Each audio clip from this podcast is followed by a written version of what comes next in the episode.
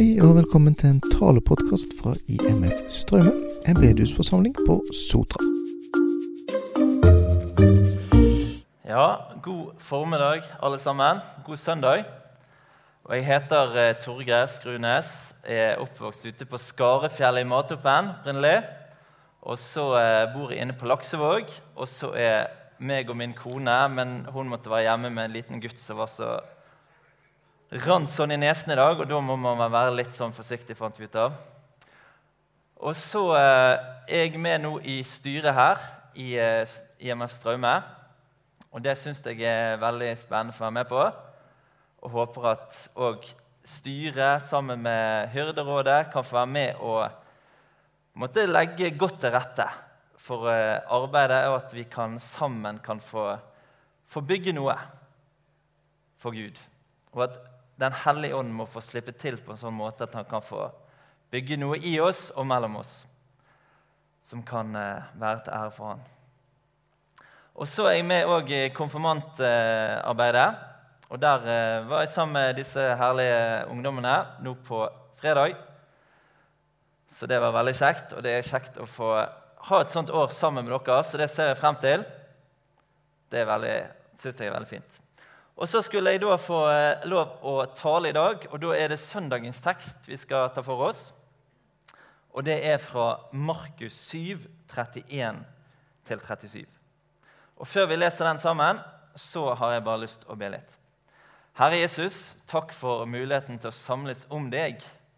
Og da har du sagt at du vil være midt iblant oss. Og så er det løfterikt, Herre, når du sier det. Og så bare ber vi Jesus at vi kunne få merke det nå, her, at du åpner ordet ditt for oss. Gjør det levende for hjertene våre. Takk at du er den samme Jesus, og at vi kan få møte deg òg i dag gjennom ditt ord. Og så må du gi meg det jeg trenger, Jesus, for å ta dette frem, og må du styre min tunge og min tanke. Og så ber jeg Herre om at det kunne bli til hjelp for oss. At det kunne får betydning for troen vår og for vandringen vår sammen med deg, Jesus, og for alle de menneskene som vi er i kontakt med. Det ber jeg for ditt navn skyld. Amen. Så Da begynner vi å lese den teksten som står der. Da han nå dro bort igjen fra bygdene ved Tyrus, tok han veien gjennom Sidon til Galileasjøen, midt gjennom Dekapolis-landet. De førte til ham en mann som var døv og hadde vanskelig for å tale og de ba ham legge hånden på ham. Han tok ham da med seg avsides, bort fra folket. Han stakk fingrene i ørene hans, spyttet og rørte ved tungen hans. Han så opp mot himmelen, sukket og sa til mannen, Efata, det betyr lukk deg opp. Straks ble ørene hans åpnet, og tungens bånd ble løst, slik at han talte rent.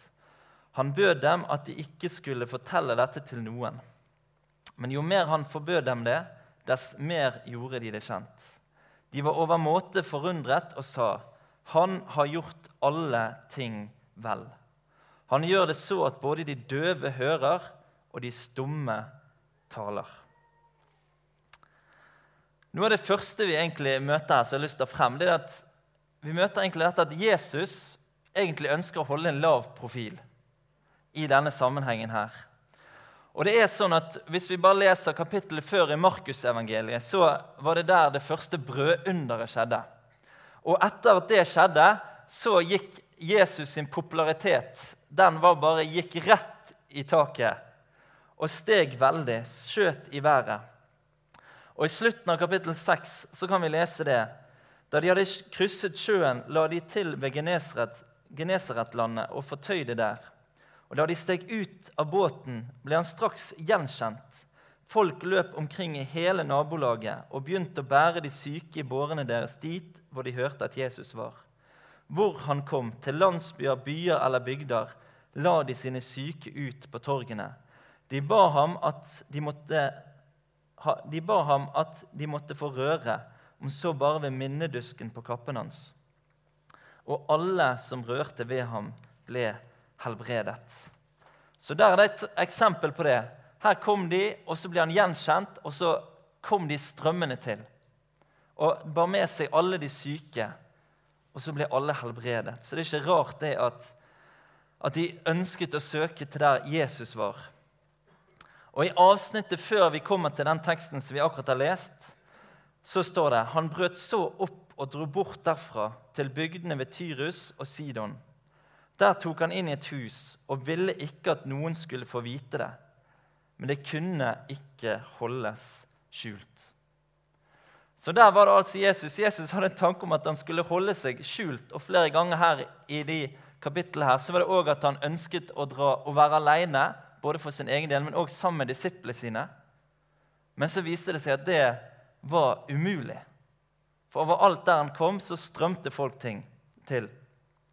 Og Litt av bakgrunnen for dette her, og det som vi på en måte møter i begynnelsen av evangeliet når vi leser om Jesus sitt liv, så er det det at Jesus han sto frem og steg frem i en tid preget av en Messias-forventning, en sterk forventning. Og for I Lukas 3 så står det at folket gikk nå i forventning, og i sitt hjerte grunnet alle på om Johannes kanskje skulle være Messias. Og Da er dette i første omgang sagt om døperen Johannes når han sto frem. Men så blir det overført videre til Jesus. Sant? Og Johannes døperen peker jo sjøl mot Jesus og sier at han er den som skal komme. Så at dette øker, og at det var en sånn forventning til at Gud skulle oppfylle de løftene som han hadde gitt i Gamletestamentet, det var veldig sterkt fremme på denne tiden, er det tydelig å lese. Det var en sterk forventning om at kongen Davids sønn skulle stå frem. Og så var det gitt noen løfter i Gammeltestamentet om at han skulle gjenreise Davids falne hytte. Og de så for seg, sant? og Her var det et folk som var okkupert og var under herredømme av romerne. Og denne tanken om at Gud sjøl hadde gitt løfte om at han skulle gripe inn på en sånn måte at det var noe som skulle bli gjenopprettet. Messias, kongen så var jo dette enormt sånn Tenk om Jesus er denne kongen. Og så møter vi dette her. Og I tillegg så kan vi lese at de blir veldig utålmodige. For når Jesus på en måte stiger frem, populariteten øker, og så ønsker vi på en måte å møte at han, han vil heller dempe på dette her enn å bygge opp under og både, bare bruke det som et sånn folkebrus bak seg som bare løfter frem kongen, og som ville være med i dette måtte, opprøret eller mot romerne. Sånn, befri dem i kampen. Og en gang i Johannesevangeliet, så i kapittel 6, så står det Da nå Jesus skjønte at de ville komme og ta ham med makt for å gjøre ham til konge, trakk han seg igjen tilbake, og gikk opp i fjellet, han selv alene. Så der er det liksom tydelig det at nå begynte de å bli utålmodige, og Jesus ser det at nå er det rett før dette bikker over til at de faktisk tar han med makt og ønsker det. Og liksom Nå Nå må du tre frem som den kongen vi venter på.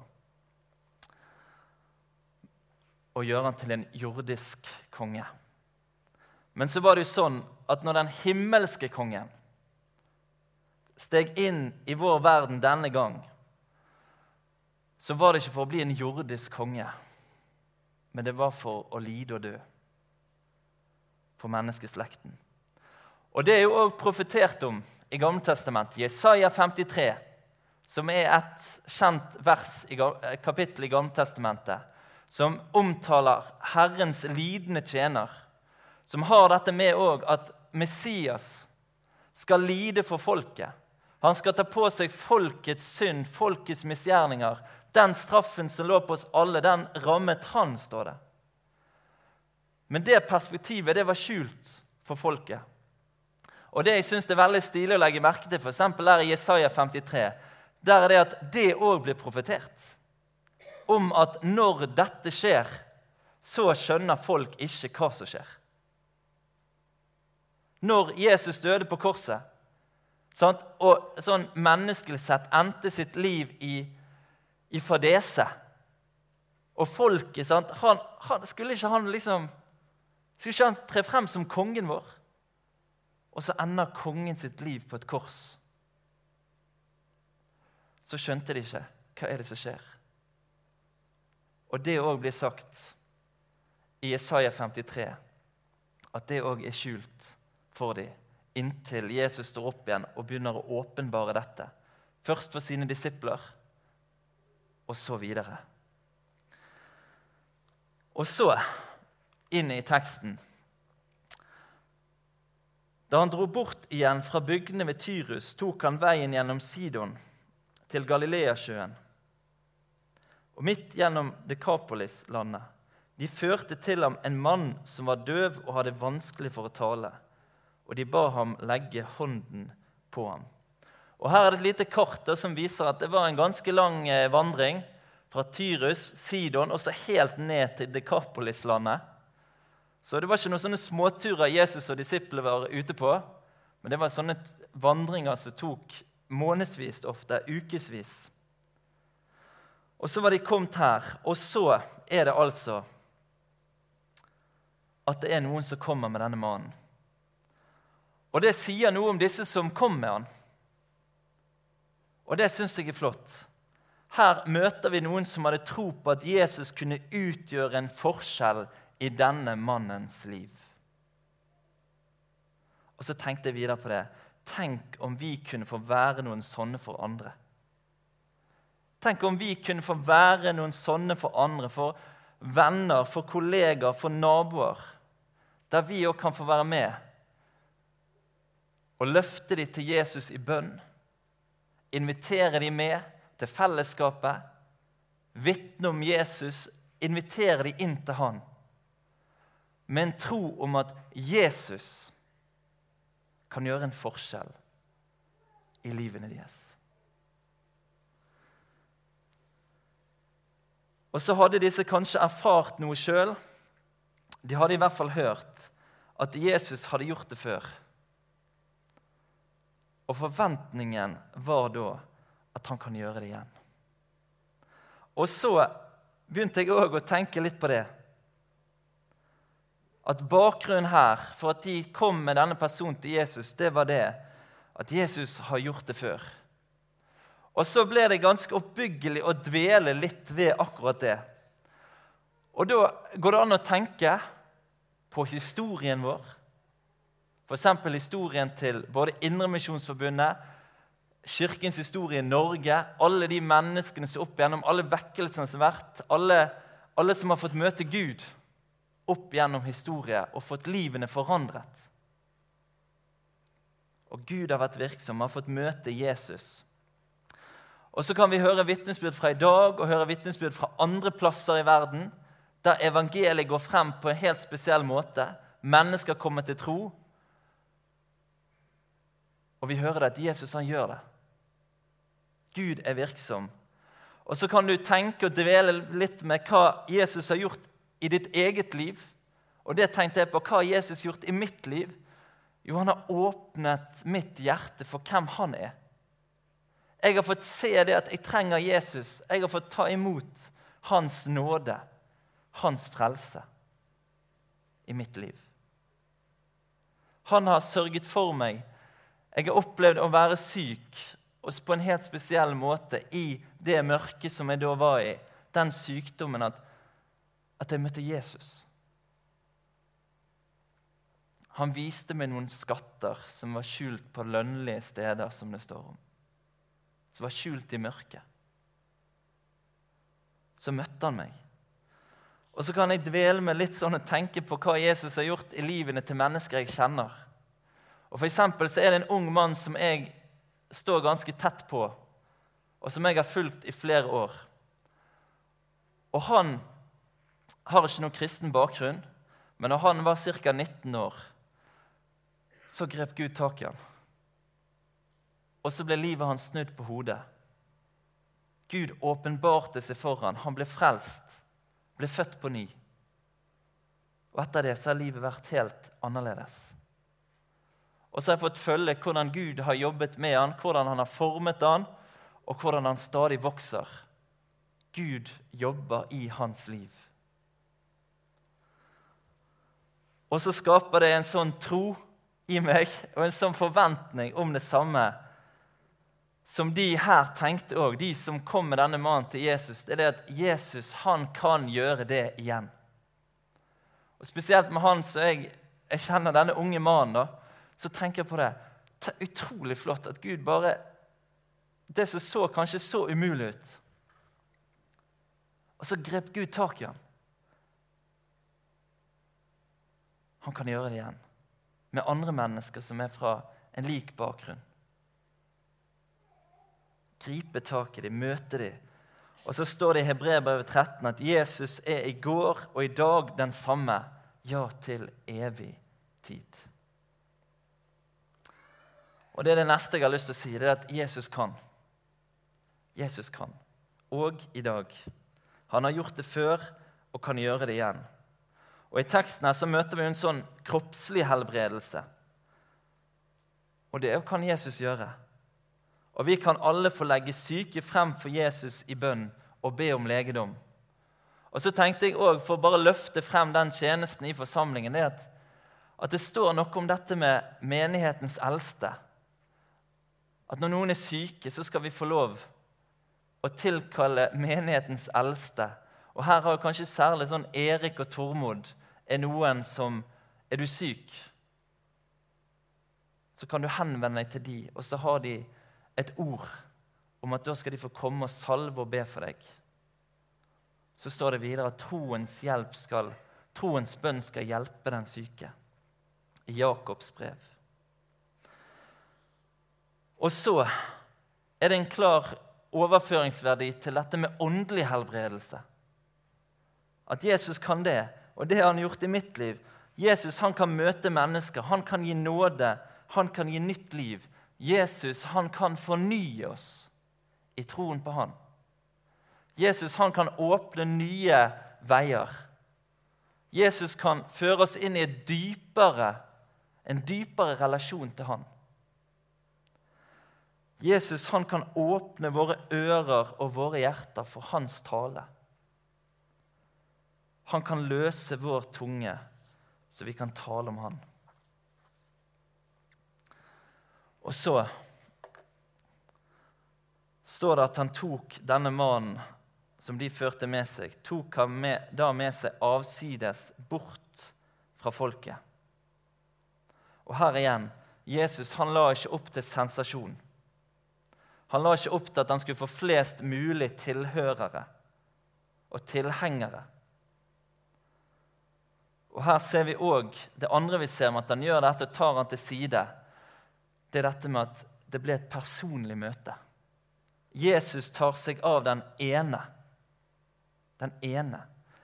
Og Det er et lite sangvers som beskriver akkurat det, at Jesus tar seg av den ene som om der ingen andre var. Jesus har tid for henne når andre tid og time ikke har. Og Det syns jeg er en utrolig treffende beskrivelse, for det er akkurat det som jeg opplever òg. At når Jesus møter meg, når han tar seg av meg, når han er god mot meg, så opplever jeg det på en sånn måte at noen ganger har jeg tenkt liksom, Er det noen andre? Altså, Opplever andre det på en sånn måte som jeg har fått oppleve det i mitt liv? Og så hører jeg da vitnesbyrd, og så er det helt tydelig ja.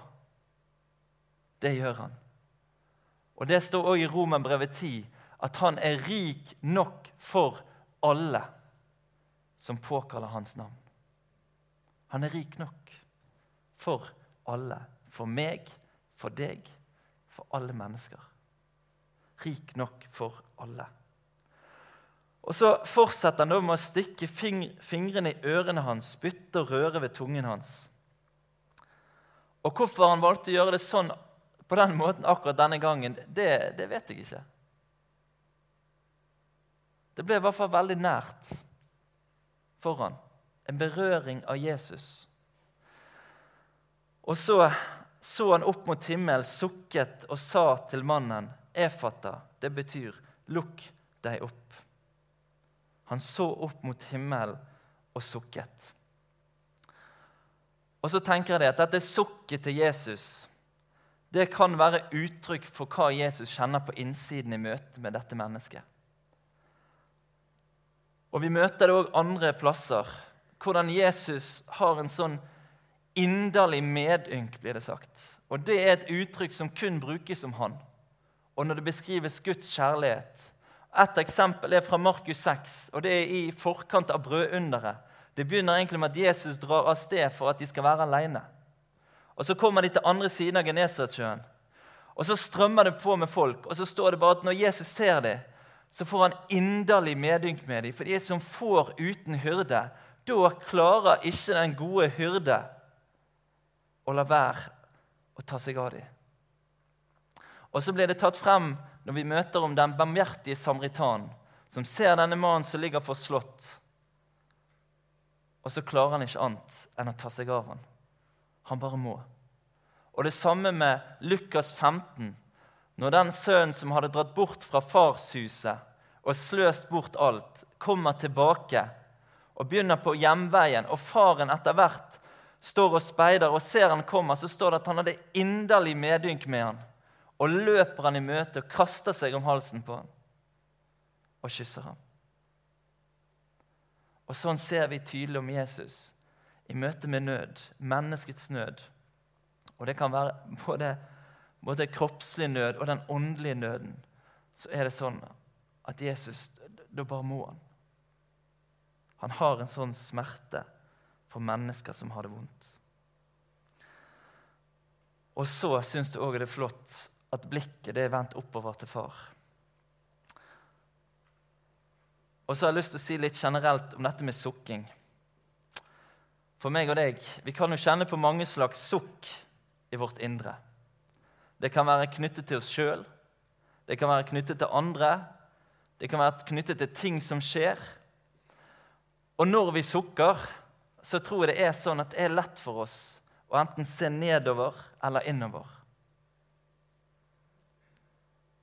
Men så tror jeg det at sånn som Jesus viser her, så gjør det noe med oss når vi vender sukkene våre oppover til far, til han som har omsorg for oss. Det er han som vi kan få komme frem for med alle ting. Og så òg dette, kanskje ikke der i sokket og vende den knytteneven, men bare en sånn åpen. Herre, du ser. Du ser. Så skriver Peter at vi kan få kaste all deres, kast all deres bekymring på ham, for han har omsorg for dere sukk som er vendt oppover. Og så taler Jesus og befaler 'lukk deg opp', og så blir resultatet. Straks ble ørene hans åpnet, og tungens bånd ble løst, slik at han talte rent. Han bød dem at de ikke skulle fortelle dette til noen, men jo mer han forbød dem det, dess mer gjorde de det kjent. Så der er det jo òg tydelig. Dette med å holde dette skjult og sånn, det, det, var umulig. Det var for stort. Det gikk ikke. Og selv om til og med Jesus prøvde å befale dem, forbød, forbød dem, så likevel Det gikk bare ikke. Det var for stort. Og så kjente jeg i møte med dette her at da det ble en liten sånn bønn. I møte med i formiddag, i møte med dette budskapet her at Jesus må åpne våre ører for hans tale, for Guds tale inn i vår alles liv. Og at det kan resultere i det at vi òg får tunger som blir løst til å tale om Jesus. For nå, dere, i den situasjonen som vi lever i, så fins det ingen forbud fra Jesus om å ikke gjøre kjent det som han har gjort.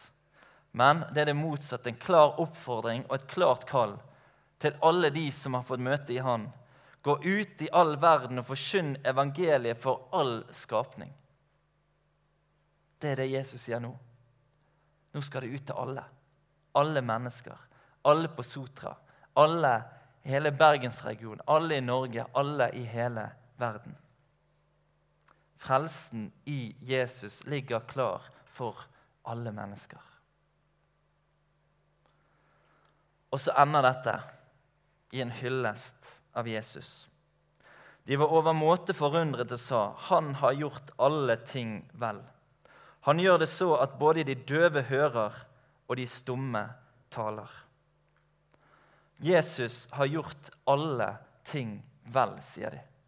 Alle ting vel. Og så har jeg lyst til å si det at det gjelder òg for deg. Det gjelder òg for deg, du som er her i formiddag. Og så er bare neste spørsmål det er ser du det. Ser du det? Ser du Jesus sitt verk for deg? Ser du det fullkomne livet han levde for deg? Ser du det fullkomne offeret som han har gitt for deg? Ser du det at himmelen er åpen? Jesus har åpnet veien. Han er veien som når helt frem. Ser du, frels, ser du frelsen og nåden som ligger klar? Og for deg så er det å si takk. Åpne opp. Takk, Jesus, for at dette gjelder meg. Og du, min troende venn, ser du deg i Jesus? Det står det at meg og deg som hører Jesus til, er i Han. Og da står det at vi er hellige, feilfri og ulastelig. At vi står sånn framfor Faderens åsyn i Jesus. Hellig, hva vil det si? Det vil si det å være vasket rein. Være skilt ut. Fullkommen. Det er jo bare én som er sånn, og det er Jesus. Men så sier han, og sier Bibelen, at den som er i Han, den er òg det. For Guds åsyn.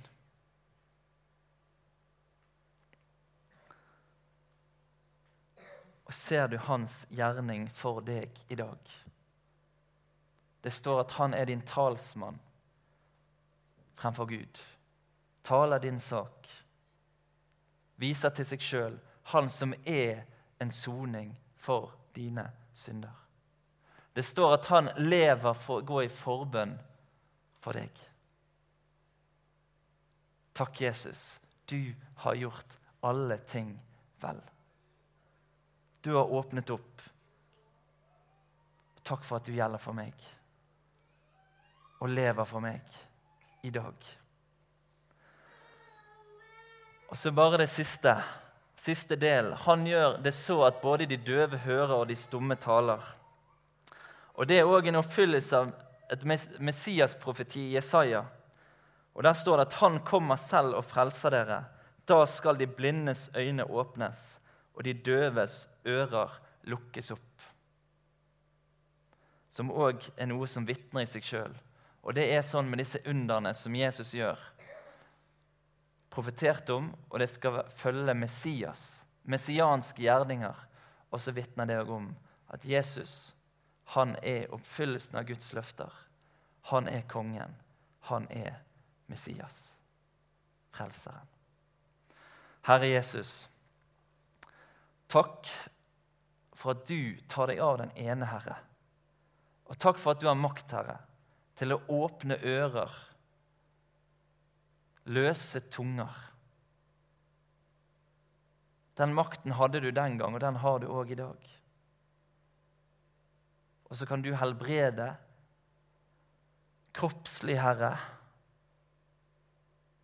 Så kan du helbrede åndelig, Herre. Og Det er jo det aller viktigste, at mennesker får se hvem du er. At vi, du åpner våre ører og våre hjerter og våre øyne for hvem du er. Og at våre tunger kunne bli løst, så vi kan vitne om deg, Jesus så det kan boble over i våre liv, Jesus. Så vi ikke kan holde tilbake ord om deg som har gjort alle ting vel. Takk at det gjelder òg i dag. Det gjelder for meg. Og så er det dette, Jesus, at dette gjelder òg for alle mennesker. Takk at du er rik nok for alle som påkaller ditt navn. Og så ser du hver og en av oss, Herre, og må du møte oss, Jesus på dypet av våre liv. Og gi oss et møte med deg. Amen.